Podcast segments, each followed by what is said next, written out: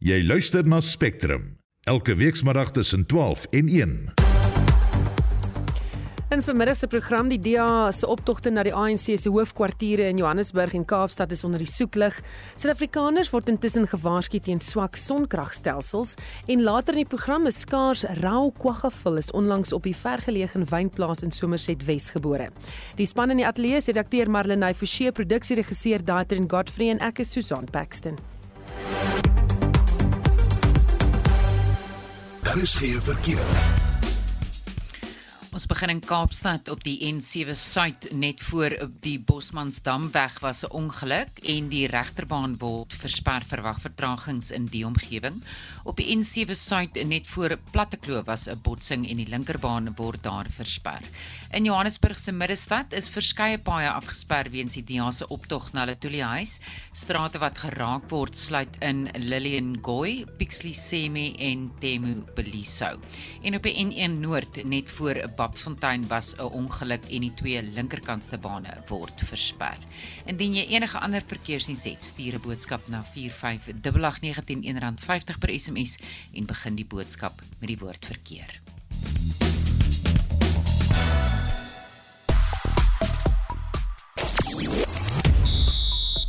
Vandag bied 'n guldige geleentheid vir die Momentum Proteas om 'n plek in die finaal van die Drie Nasies reeks te beklink. Die laaste 4 plekke in die halfeindstryd van die Australiese Tennisope word ook vandag bevestig.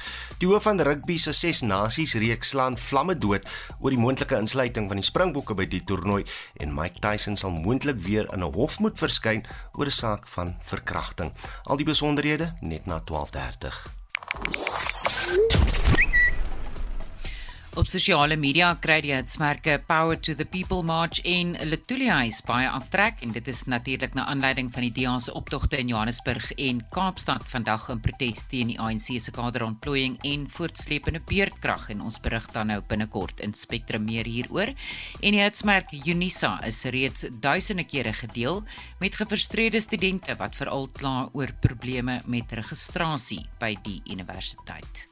En soos Estie gesê het, gaan ons berig oor daardie optogte wat plaasvind in Kaapstad en Johannesburg. Ek sien daar's ook 'n klomp ANC-lede wat in die strate is hier in Johannesburg en uh, ons gaan 'n bietjie later hoor wat daar aangaan. Intussen die Kaapstad se metro toestemming by die tesourie bekom dat sakeondernemings en inwoners van vanjaar af krag wat privaat opgewek word aan die stad kan terugverkoop. Die stad hoop dat dit kan help om die impak van beurtkrag te verminder. Nou ons praat later in die program hieroor met James Brentstein, die woordvoerder vir die stad se burgemeester. Intussen wil ons by jou hoor wat dink jy hiervan? Sal jy krag verkoop aan jou metro of munisipaliteit? Dink jy dis 'n werkbare oplossing vir die kragkrisis? Jy kan saampraat op ons SMS lyn 45889 teen R1.50 of praat saam op Monitor en Spectrum se Facebook bladsy en dit uh, gesê, kan kyk ook op die Facebook bladsy het ek 'n foto geplaas van daardie nuwe kwagga vul wat gebore is. So as jy wil sien hoe hy lyk, gaan kyk op ons bladsy of stuur vir ons 'n stemnota na 0765366961. Dink jy jy kan nie 'n prokureur bekostig nie? Dink weer. Clientele Legal maak professionele regsdienste bekostigbaar, of dit siviele, kriminele of arbeidsverwante sake is. Ons paneel prokureurs is gereed om jou by te staan. SMS RSG na 49234. Dis RSG na 49234 en ons sal jou terugskakel. Clientele General is 'n geregistreerde versekeraar en gelisensieerde verskaffer van finansiële dienste. Bepalings, voorwaardes en standaardtariewe geld. Sukkel jy met skete en kwale of met COVID-19 komplikasies? Met my swak immuunstelsel was ek gereed om op te gee totdat ek gehoor het van die antioksidant Prosidin. Prosidin het my lewe verander. Ons het almal tans soveel om te hanteer. Laat Prosidin kapsules jou help. Onthou, as dit nie Prosidin sê nie, is dit nie Prosidin nie. Beskikbaar by alle apteke. Jy luister na Spectrum. Elke weekmiddag tussen 12 en 1 en is nou bykans 7 minute oor 12 en soos jy in die nuus gehoor het, die DEA se optog na Letoile huis in Johannesburg het kort tevore begin. Hulle optog genaamd Power to the People word gehou uit protes teen die regerende party se kaderontplooiing en voortsleepende beerdkrag en Marlies Skeepers hou dit dop en sy sluit nou by ons aan Marlies. Ja, die DA se Natasha Mazone neem deel aan die optog en het voordat die optog begin het aan die SAIK gesê wat hulle doel by Letoile huis is. We want to say to the ANC, listen to us, sit down with us, listen to our ideas. We can show you from the city of Cape Town that our ideas work in practice and that we've got to put ideology aside and put South Africa first. So that is the prime reason we march today, is because South Africans cannot have eight hours of load shedding every day. It's not only an inconvenience, it's going to cost you your job, it's going to cost me my job, and it's going to put this country in absolute chaos. Die SAIK verslaggewer Samkeli Maseko het die volgende kommernis uitgelig. Last time we went to Luthuli House there was a friction yeah. between the DA and the ANC. Right now ANC Youth League members are gathering there. What can South Africans anticipate and particularly knowing of the volatile political situation and history this country comes from. When the IFP marched to Shell House, there was bloodshed many years ago when former President Nelson Mandela was still at the helm. South Africans don't want bloodshed. They want solutions to this crisis. Uh, look, South Africans are a peaceful nation. There's no doubt about that. We're not into war. South Africans don't want war. You can see this is a peaceful gathering. We have told the ANC it is a peaceful gathering. We do not come looking for a fight. We come offering solutions. We are not going to antagonize the ANC. We are not going to antagonize the ANC Youth League. That they're there is great. I hope to see some of my chums say hello to them, but I certainly hope there is no violence because it's not necessary. Die SAIK het ook met een van die deelnemers aan die optog gepraat. Even skilled people are becoming desperate and they're willing to take anything because their livelihoods are threatened.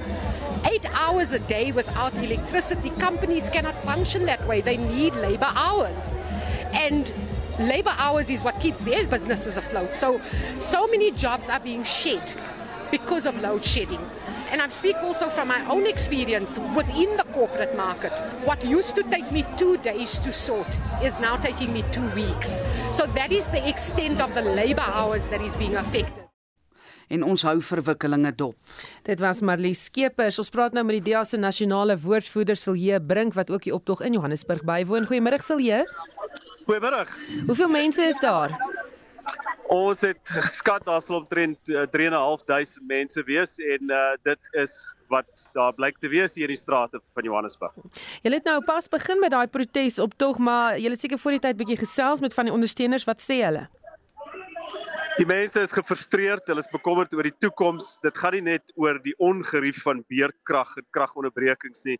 Dit gaan oor 'n vrees vir die toekoms en dit is of jy nou middelklas is en of jy ehm um, nie werk het nie en of jy welgesteld is en 'n besigheid het.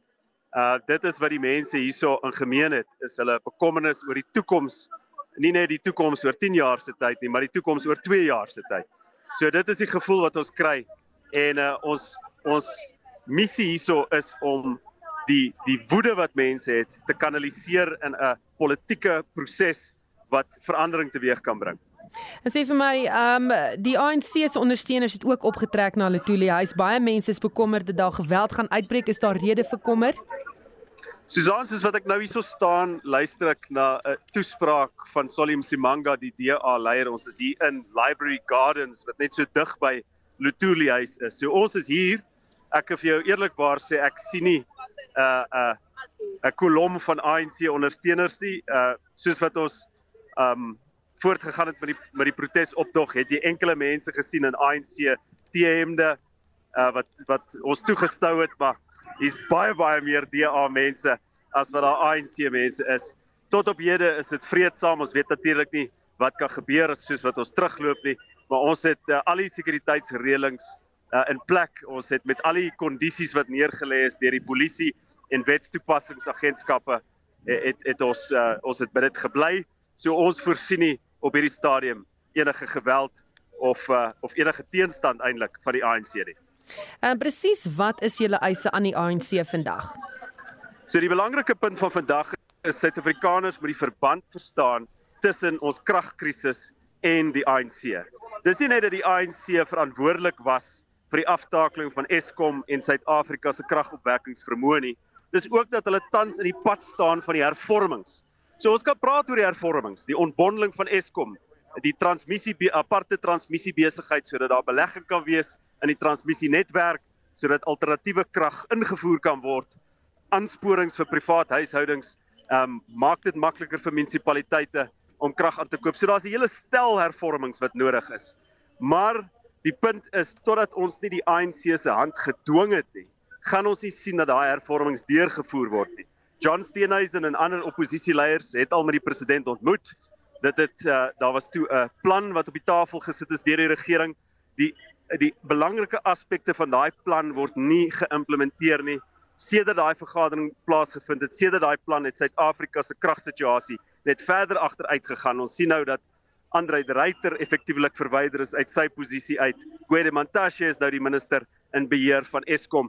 So dit is duidelik dat dinge agteruit gaan en dit is politieke druk wat nou nodig is. Die ANC moet bang wees vir die gevolge as hulle nie hierdie hervormings in die aanloop tot 2024 implementeer nie. Sal ek wil nou vir jou vra, verwag julle dat die ANC gaan reageer op dit wat julle vandag sê?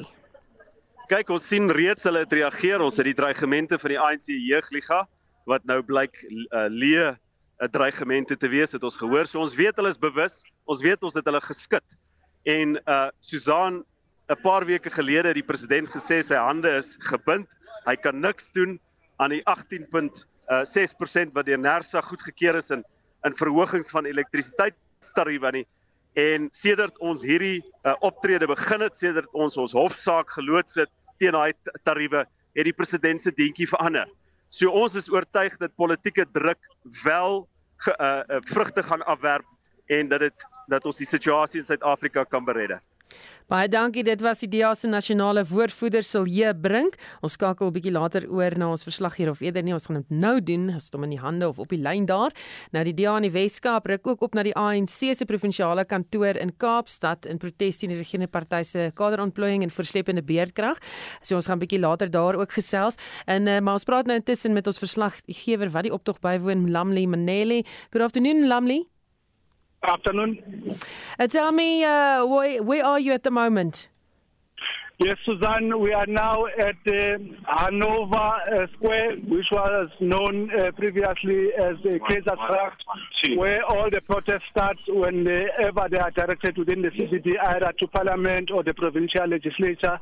The DA is about to proceed with its uh, proceeding uh, to uh, Street.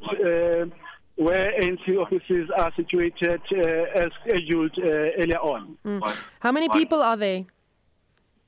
Well, uh, we cannot quantify, but uh, it's a sizable number.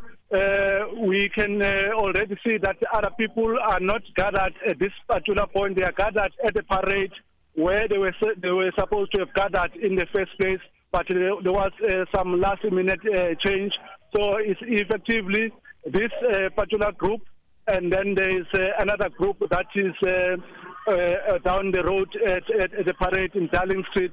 But it is quite a sizable group, although we cannot uh, quantify uh, because we might risk marginalizing a bigger event and invite unfair criticism because we have upset some people by citing specific numbers. Tell me, uh, did you speak to some of the protesters? We just spoke to uh, Ivan Mayer, who's the DA federal chairperson. We've asked him the purpose of the march, stating that uh, it's due to the power and energy crisis the country is facing.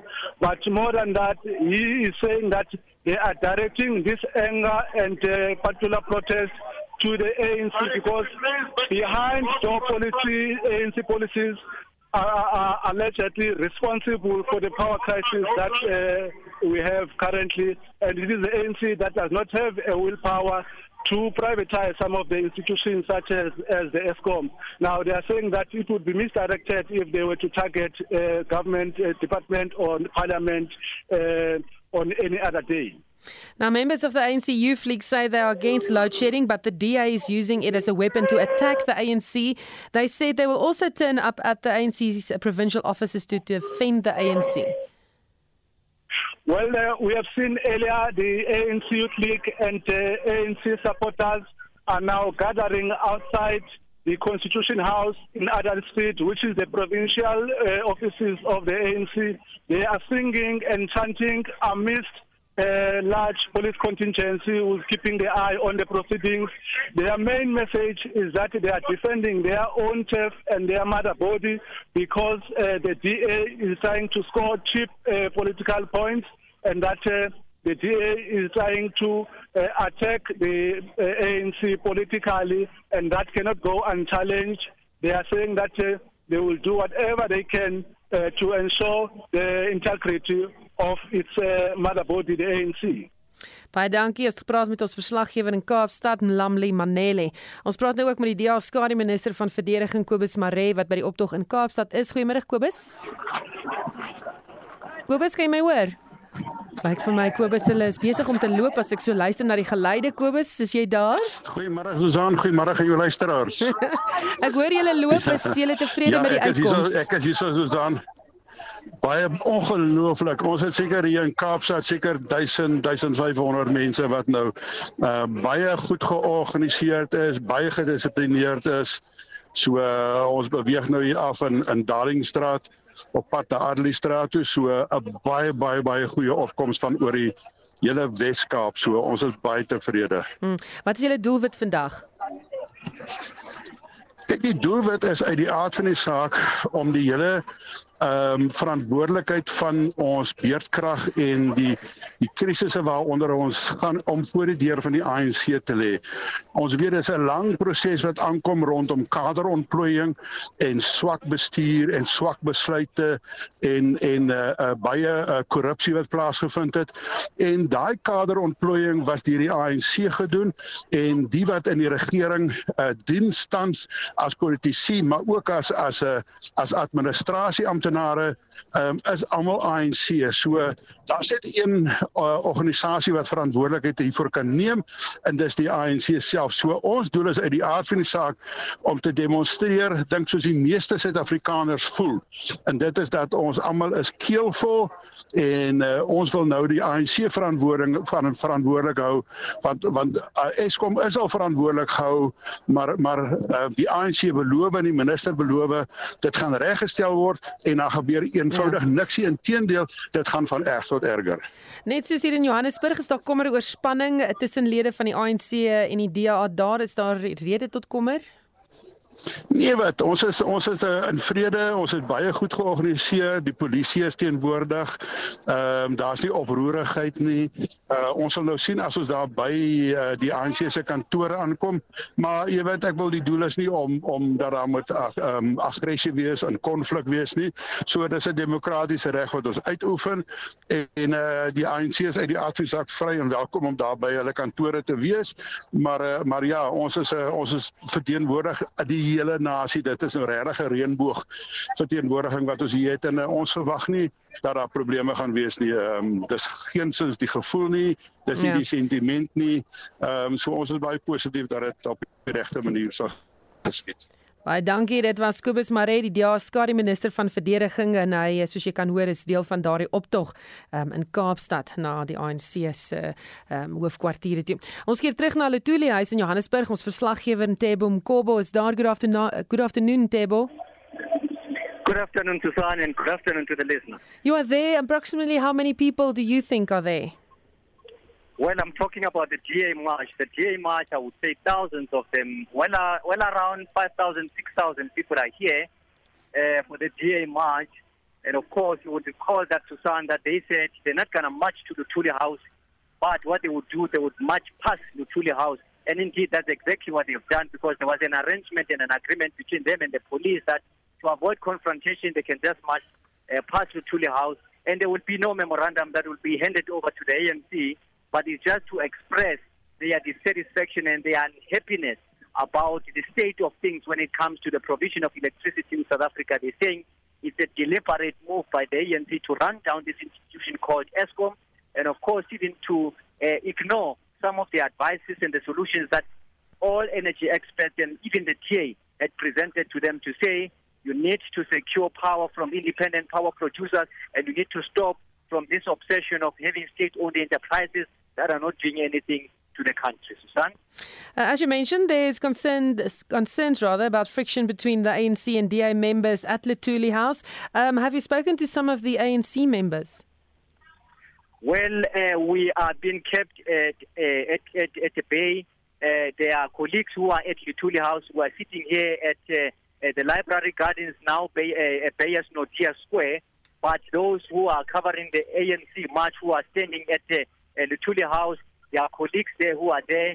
Uh, we haven't uh, been given an opportunity to cross over to the Lutuli House. As I'm saying, there are colleagues uh, from the SAPC who are at uh, the doorstep of the Lutuli House with the ANC Youth League members as well as other ANC members.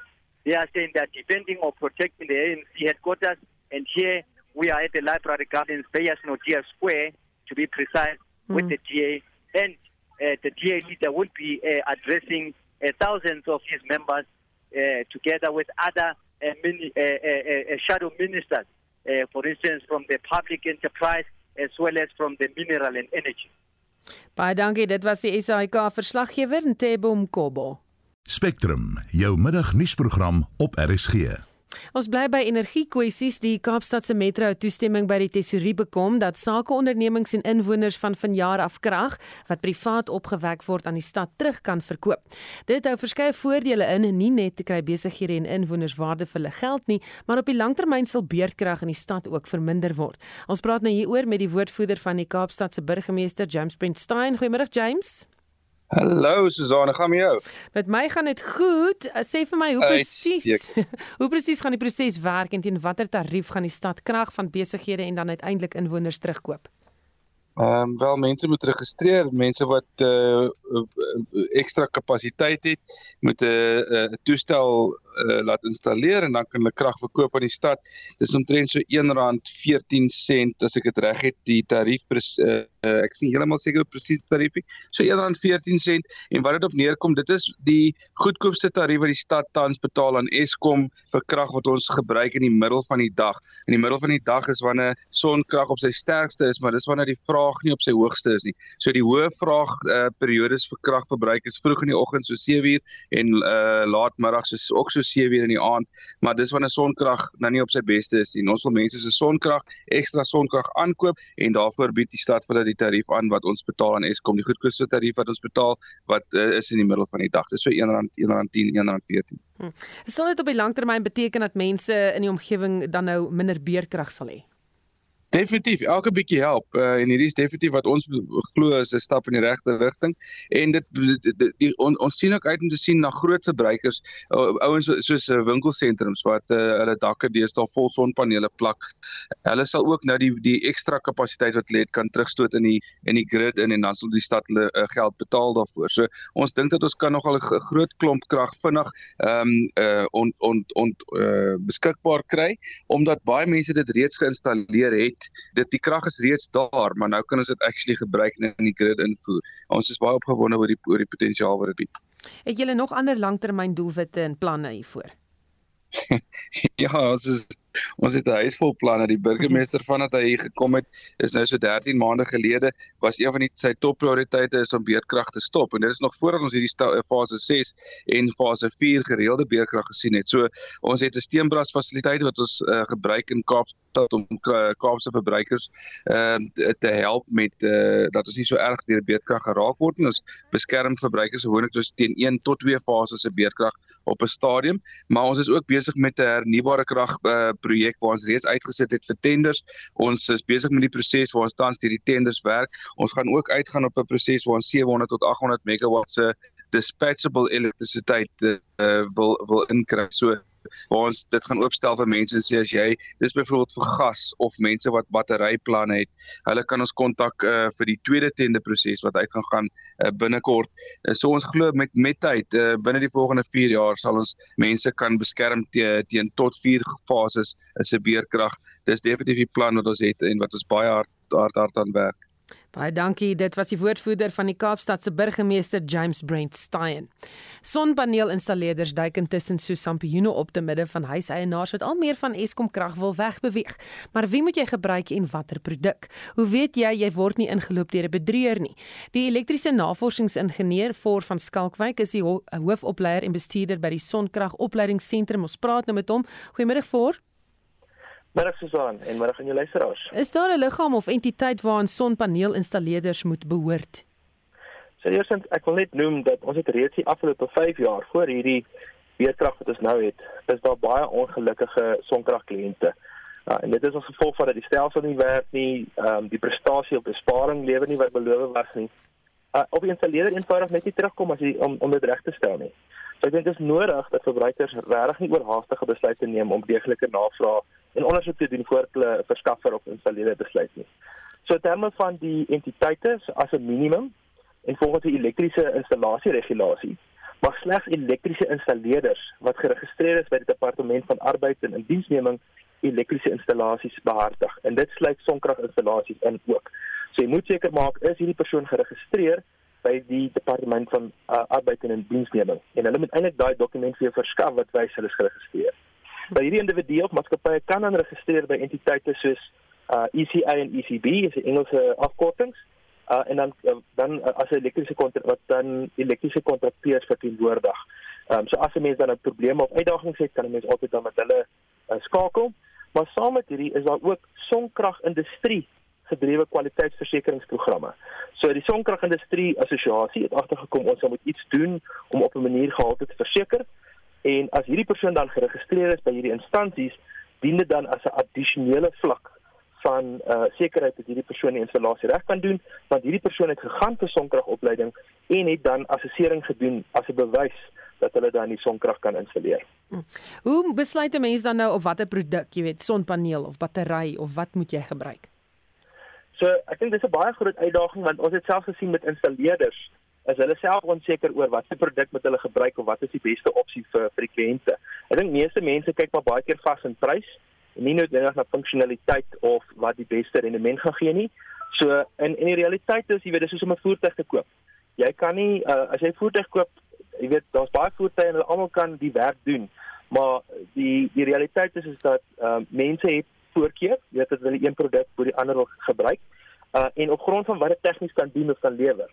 Maar daar is tog produkte waarvoor mense spesifiek kan uitkyk of versigtig moet wees. Die eerste stap is is om net te bepaal wat moet jou stelsel doen.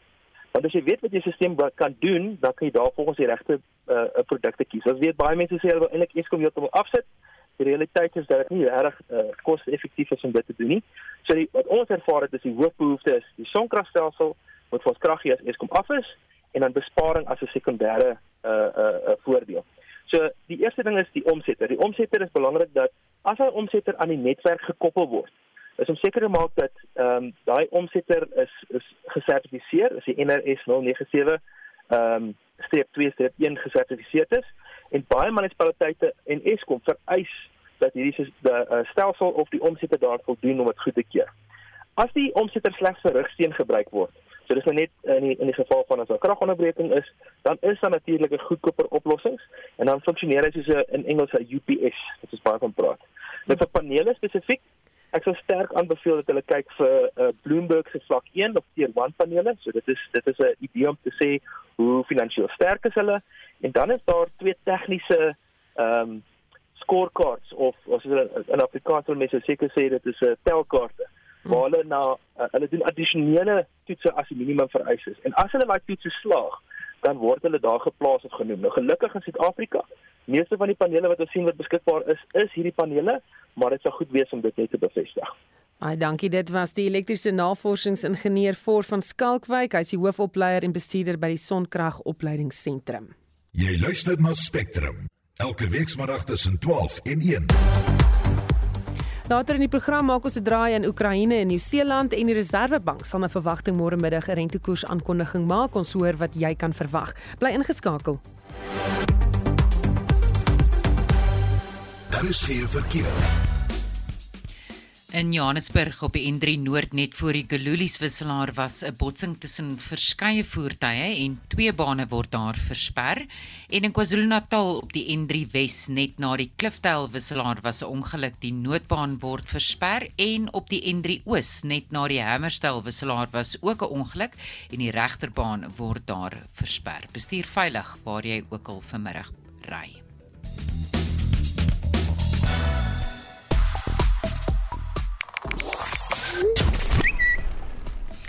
En op sosiale media bly die hitsmerk load shedding steeds een van die gewildste onderwerpe waaroor Suid-Afrikaners gesels en die minister van Energie en Minerale Hulpbronne, Gwedi Mantashe, het 'n tweet gedeel dat die ANC vanmiddag om 3uur 'n simposium het met verskeie belanghebbendes in die energiesektor om onmiddellike en werkbare oplossings te vind vir die voortsleepende kragkrisis in die land.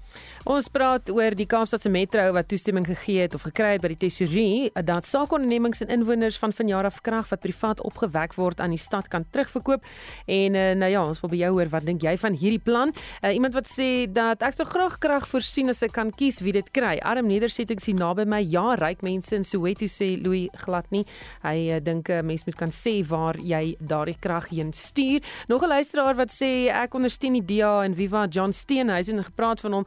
Hy is tans besig met 'n toespraak. Ehm um, hy sê op die ek sien televisiebeelde wys waar hy nou gesels baie driftig wat hy daar sy vinger in die lug rond swaai. Uh en terug na die vraag, iemand wat sê uh, jy weet Nik wat sê dit sal wonderlik wees, maar dit gaan alles oor die kostes vir die man op straat en Linda Beckert wat sê dit hang af van hulle prysstruktuur. Sou dit soos dit voorgehou was, is dit nie regtig tot voordeel van die kragverkoper nie. En dan soos ons nou net pas gehoor het in daardie gesprek met die kenner, uh, is dit ook nie so koste-effektief nie. Die tweede Eh, die rede hoekom jy dit moet koop is uh, vir die feit dat dit vir jou geld gaan spaar. Jy kan ons saamgesels op ons SMS lyn of op Monitor en Spectrum se Facebookblad of jy kan 'n stemnota stuur.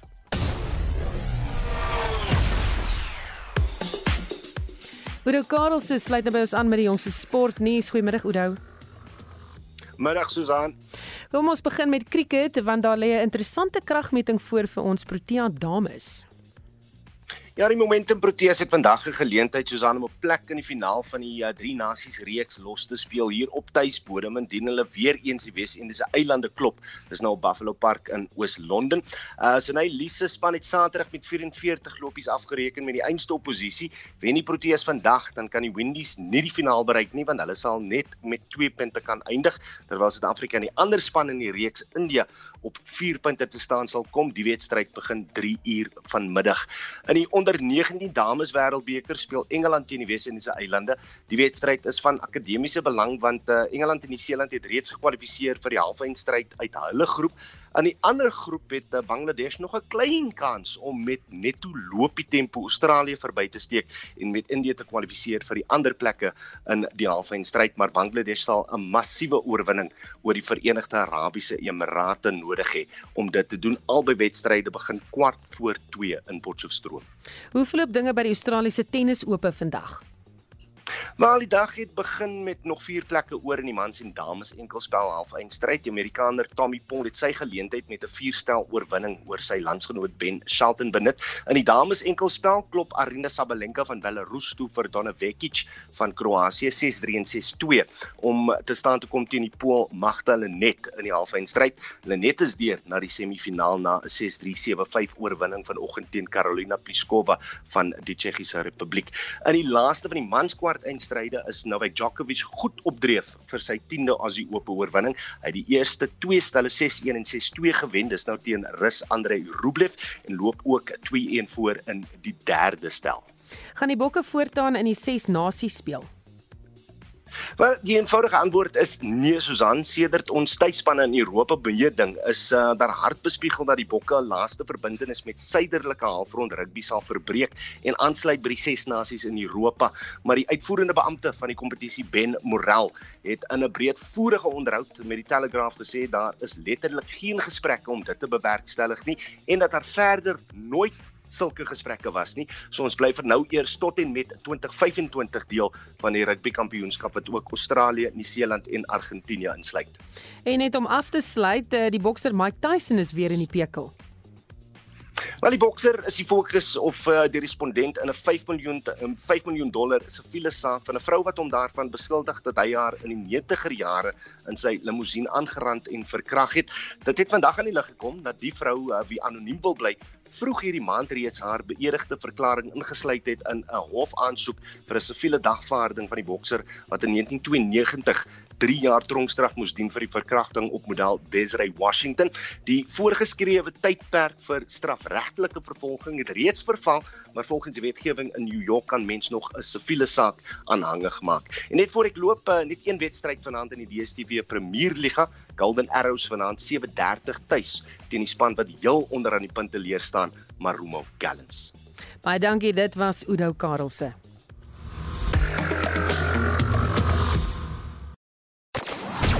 Luister na Spectrum op RSG. Ons verskuif die aandag na die buiteland. Chris Hipkins het vandag die leiersels by Jacinda Ardern oorgeneem as eerste minister van Nieu-Seeland.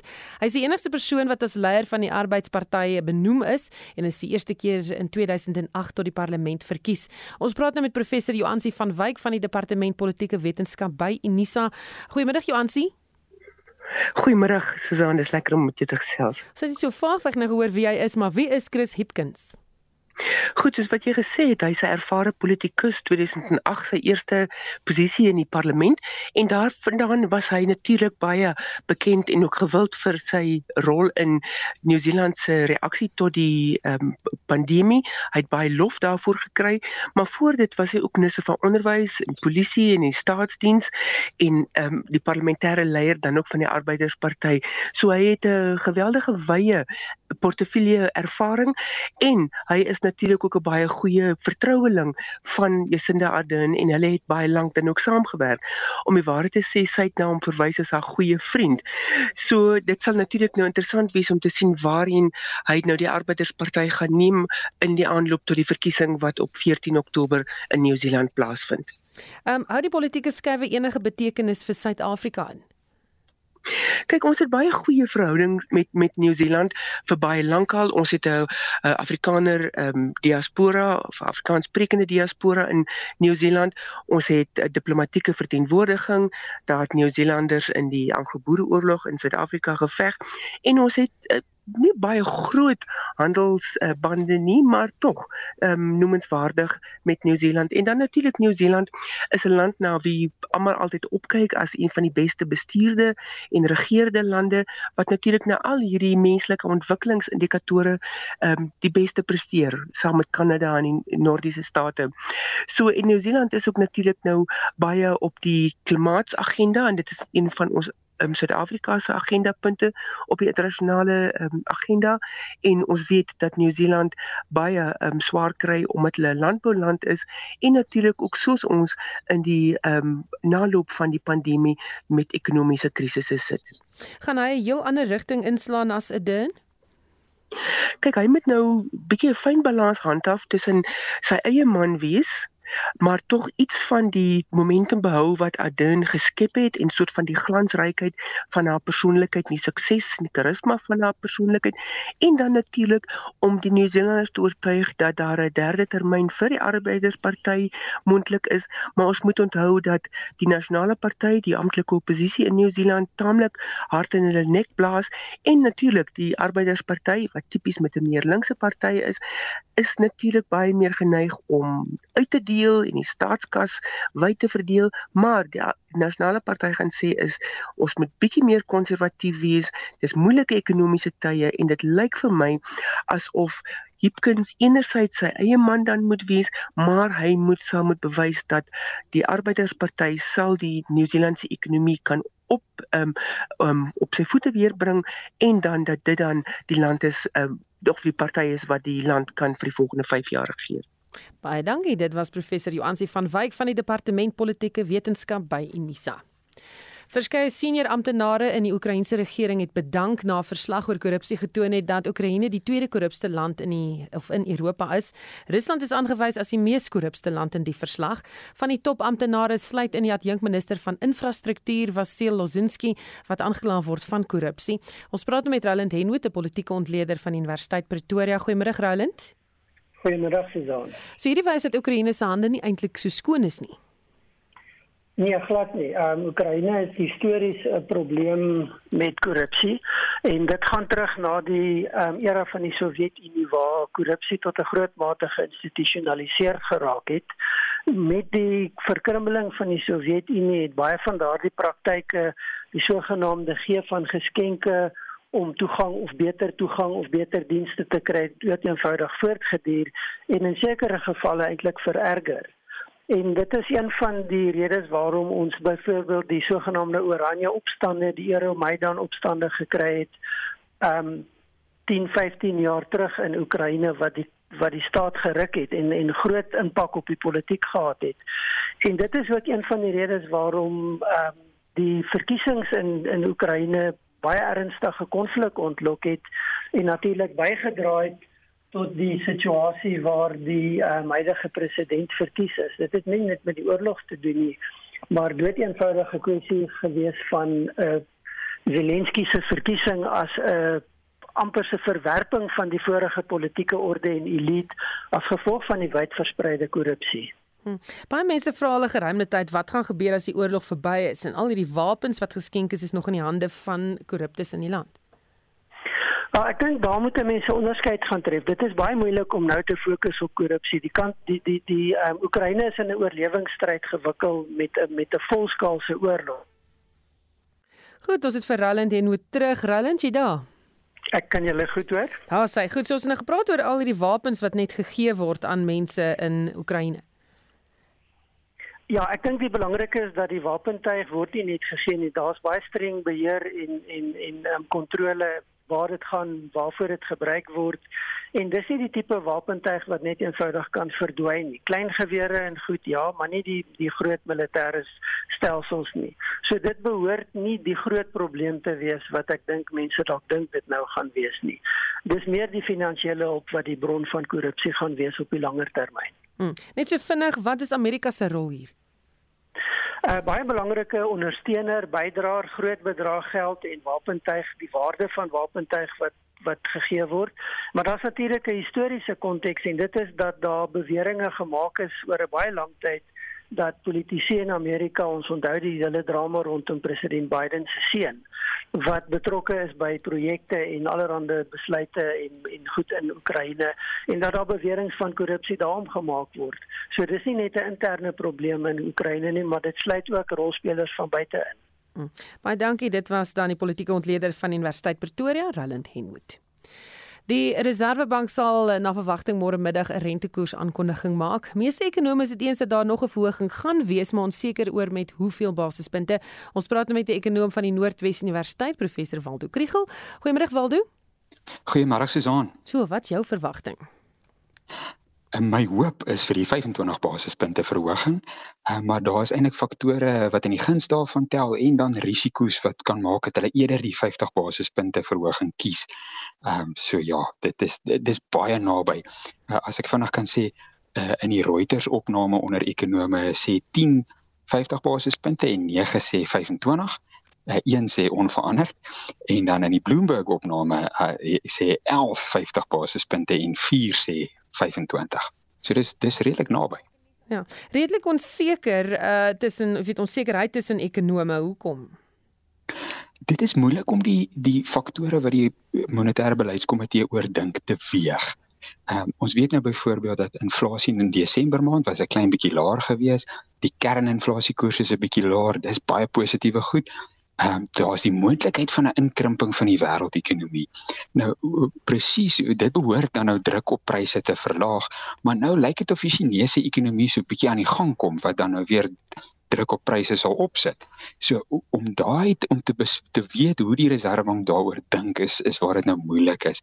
Ons dink aan beerdkrag byvoorbeeld, dit demp uh, ekonomiese aktiwiteit in Suid-Afrika, maar dit verhoog ook weer die koste van produksie en ons het nou hierdie week gesien hoe waarskynlik die boere oor voedselpryse. So watter gewig mense sit aan watter van hierdie risiko's maak dit moeilik om te sien watter kant toe die bank gaan gaan. Hm. Baie dankie, dit was ekonom van die Noordwes Universiteit professor Waldo Krugel. Die skaars rauwkwaggavel of 'n skaars rauwkwaggavel is onlangs op eh, die vergeleë wynplaas in Somerset Wes gebore. Vergeleë is tans besig met 'n projek in sy natuurreservaat om die sebra subspesie te teel.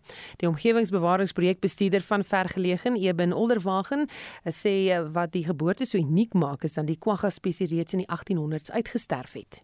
Sit hulle so bietjie minder as 'n jaar terug het ons uit die troppie gekry hier by ons en ons het nou ons eerste vulletjie wat hier by ons gebore is. Ons weet nou ongelukkig nog nie of dit 'n hy of sy is hy, maar baie oulik en baie naby aan die historiese kwagga klere wat ons graag wil hê in die projek. Vertel my van hierdie projek want almal is oor daar's nou kwagga gebore, wat maak dit nou so spesiaal?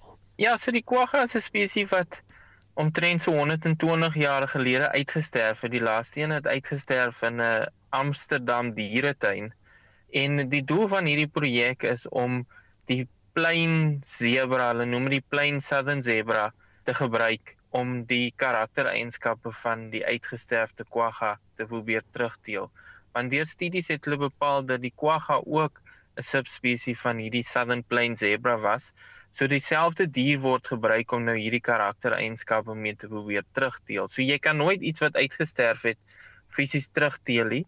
En dis nie die doel van die projek nie. Die doel van die projek is net om die eienskappe van die kwagga terug te teel dat mense basies kan sien presies hoe hierdie uitgesterfde kwagga gelyk het en dit doen ons deur wat ons nou selektiewe teelprogram noem te doen waar spesifieke diere bymekaar gesit word om spesifieke kleure uit te teel in strepe en patrone wat ons nou wil hê. As ons dan nou praat van hoe die kwagga lyk in spesifieke eienskappe, dit is 'n rau kwagga, nê? Nee? Dis korrek en dis vernoem na die professor wat hierdie projek begin het. Goed, so hoe lyk dit? Wat is hierdie spesifieke eienskappe wat jy so soek?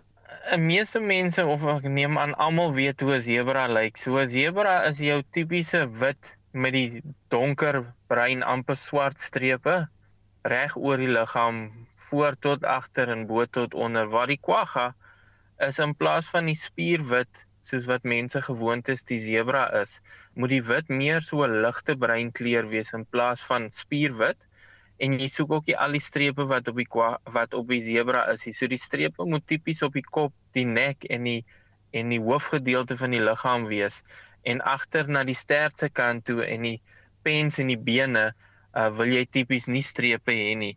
So jy het hierdie lig bruin wit kleur dier met strepe op die bokant en die voorkant van die liggaam en niks op die boude, die maag en die bene nie. En dan is hulle ook 'n bietjie korter as wat die zebra hulle is. Is effens kleiner en soos wat hulle in Engels sal sê bietjie stockier as wat die tipiese zebra is. En dit was die omgewingsbewaringsprojekbestuurder van Vergelegen, Eben Olderwagen. Marlie Skeepers het vir ons die jongste nuus en ontwikkelende stories van die afgelope uur dopgehou. Dis 'n mondvol vandag Susan. Die voorverhoor van die Estina suiwel bedrogsaak is tot later vanjaar uitgestel. Die saak hou verband met die Vrystaatse Departement van Landbou en die Estina suiwel projek net buite Vrede. 'n Bedrag van 280 miljoen rand is ter sprake.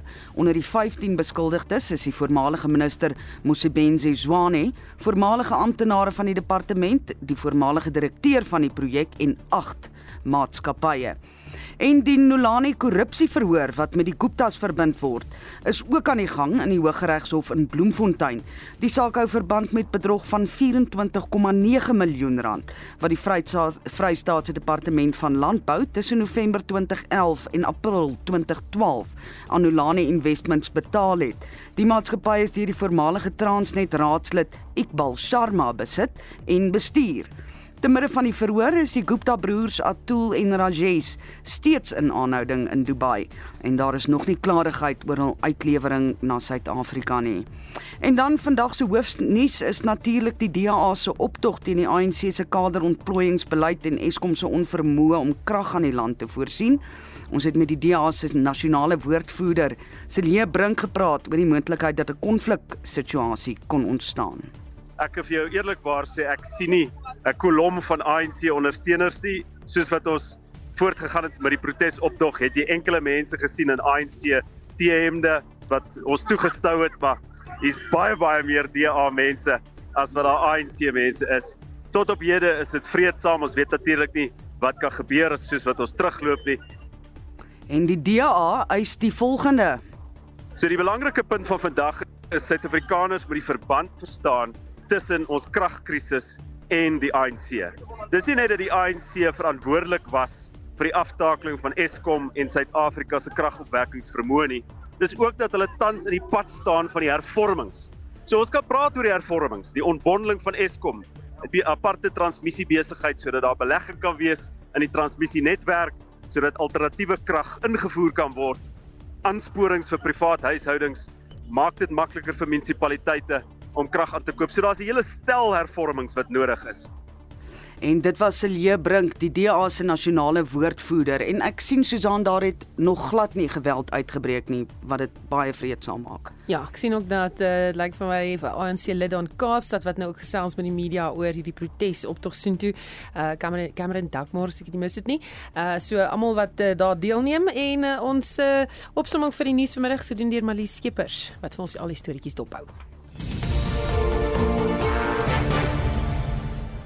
Is jy vir ons groet nog terugvoer oor wat jy dink van uh, kragvoorsiening en dat uh, die staat dalk jou krag kan koop as jy uh, oortollige krag het. Louis Bester wat sê nee, ek sal eerder aan my bure krag voorsien voor ek dit aan die regering verkoop.